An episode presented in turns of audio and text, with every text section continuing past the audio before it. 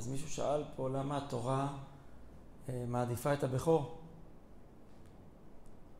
אז בואו נשאל את זה כשאלה. האם התורה מקבלת את זה שיש תפקידים שונים בבית? הבן הגדול, הבן האמצעי, הסנדוויץ', הבן הקטן, בן זקונים. אז אנחנו מוצאים שהתורה אומרת בחומש דברים, כי את הבכור מן השנואה יכיר לתת לו פי שניים, שזה דין תורה. אה, בכל אשר יימצא לו. מצד שני, התורה אוהבת לקחת אה, עקרונות ולהראות לנו שלא נתקבע אליהם. כי בכל חומש בראשית, הבכור הוא דווקא לא המנהיג, נכון? לא הראשון. אני רק אומר, אבל זה שאני נותן לו, האם זה גם אומר שבהכל הוא, שבאמת הוא בכל דבר יהיה יותר טוב? לאו דווקא. אני חושב שהחוכמה של התורה זה לא להתעלם. היום לפעמים יש רצון כזה להגיד, כולנו שווים, אין בכלל הבדל בין שום אחד. רגע, אבל בין הבכור, יהיה דברים שהוא יהיה שונה גם מבין הזקונים. בינינו, לפעמים נגיד הבכור לא מקבל יותר נגיד את ההורים צעירים, ובין זקונים מקבל הורים אולי יותר כבר אה, מנוסים, אבל אולי עם קצת פחות אנרגיות צעירות. אולי יהיה יותר כללים וקשיחות לבכור מה, מהצעיר, לכן לפעמים הגדולים יקנאו קצת בקטנים, שהם מקבלים כאילו יחס יותר רך, אם תרצו, תפרשו שזה הכוונה בישראל, אהב את יוסף מכל בניו כי בן זקונים הוא לו, והם הרגישו מאוד חזק ש, שככה. אז, אז הדברים האלה יכול, עלולים לקרות, השאלה מה התורה אומרת לנו לעשות עם, ה, עם הטבעי הזה. הגמרא לומדת מהפסוק הבד את אביך ואת אמך, שזה אריכות מילים, שגם האח הגדול הוא לא בדרגת ההורים, אבל צריך לתת לו איזשהו כבוד. והשאלה באמת, למה? במיוחד בעולם כיום שרוצה שוויון. אז הפרשנים נתנו לזה כמה, כמה כיוונים.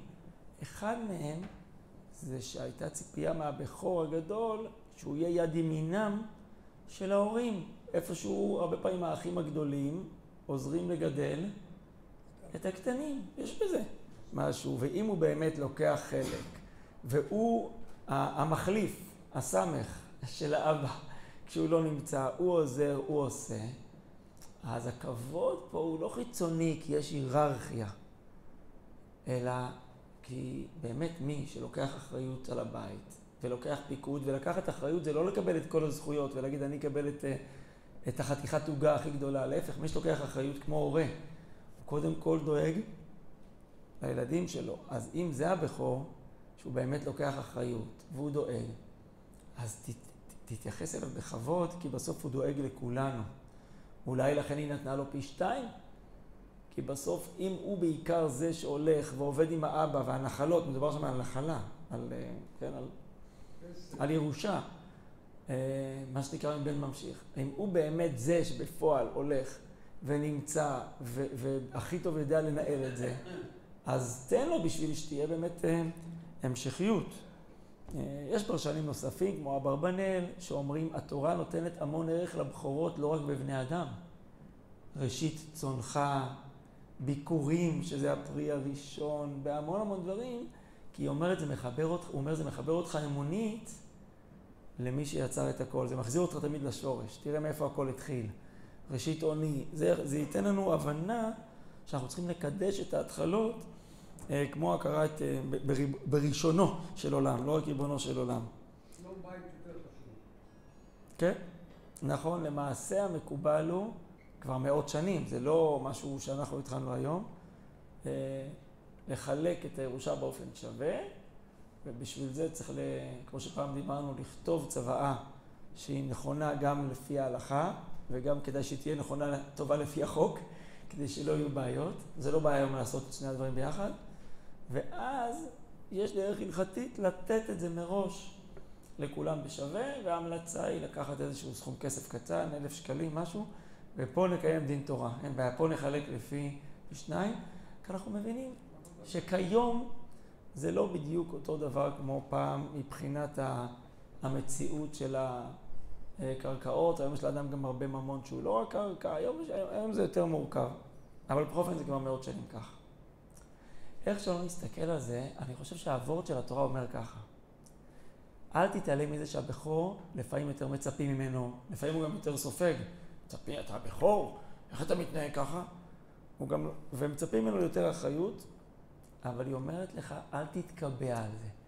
בסוף יש בחירה חופשית, ולכן לכל אורך חומש בראשית, לא תמיד הבכור לקח את האחריות, קין. לא לקח את האחריות כמו שצריך.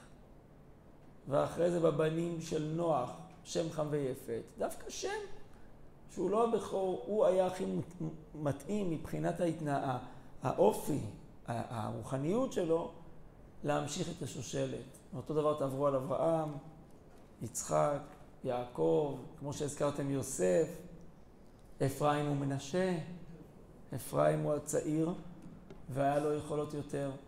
כלומר, התורה לא מקדשת את הדברים באופן מוחלט, אלא היא אומרת, כן, יש דין של נחלה ויש מקום, הבכור בסוף אתה צריך לתת לו את המקום שלו, אבל אל תתקבע. כמו שבן זקונים, הוא לא תמיד יהיה בן הכי מפונק, והוא לא צריך בהכרח לקבל. צריך להיזהר עם הדברים האלה. תדעו לכם, היום יש תורות שלמות, חלוקת תפקידים במשפחה. פרויד, מה, מה יהיה הבן הראשון, מה האופי שלו, מה השני, מה השלישי, מה הקטן. היה הרבה פעמים זה נחמד לראות שזה דווקא באמת, אה, יש בזה משהו. כמו תמיד, זה לא תמיד ככה, לכל כך שיוצא מן הכלל, אבל התורה אומרת, אל אה, תתקבע. אגב, אתם שמתם לב דבר מעניין, רואים את זה גם בכיתה. באופן טבעי, כל אחד יתפוס קצת איזשהו תפקיד. נכון, בכיתה תמיד יש אחד שהוא יותר אחראי, או שניים. יש את האחד שהוא מצחיק. נכון, יש תמיד אחד שעושה בלאגן. תמיד יהיה. ואם תעיף אותו מהכיתה, אז מישהו אחר יהיה, יהיה השובב התורן. כלומר, יש איזושהי חלוקת תפקידים, וזה מאוד מעניין שכל אחד כאילו צריך למצוא לעצמו את הייחודיות שלו, וגם ב- בילדים אפשר איפשהו לראות את זה.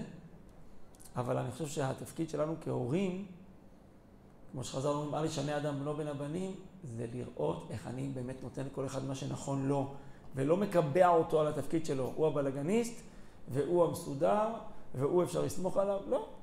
אלא לנסות לראות מה נכון לכל ילד, זה האחריות שלנו כהורים. ותמיד יהיו נפגעים. אין מה לעשות. תמיד יהיו תלונות, תמיד יהיו נפגעים, כמה שלא תנסה, אה, זה, זה גשר צר מאוד. לא מגיע. הבכורה לא מקבלת פי שניים. לפי מה שאמרנו, שזה אולי קשור לעבודות האדמה, שהוא היה הבן הממשיך, אז זה מובן כי לפחות פעם בת לא הלכה ועבדה את האדמה. אבל כיום המקובל כבר מאות מאות שנים רבות רבות, זה לעשות את זה שווה בין כולם, יש כל מיני שיטות הלכתיות, לא ניכנס אליהן כרגע. ההלכה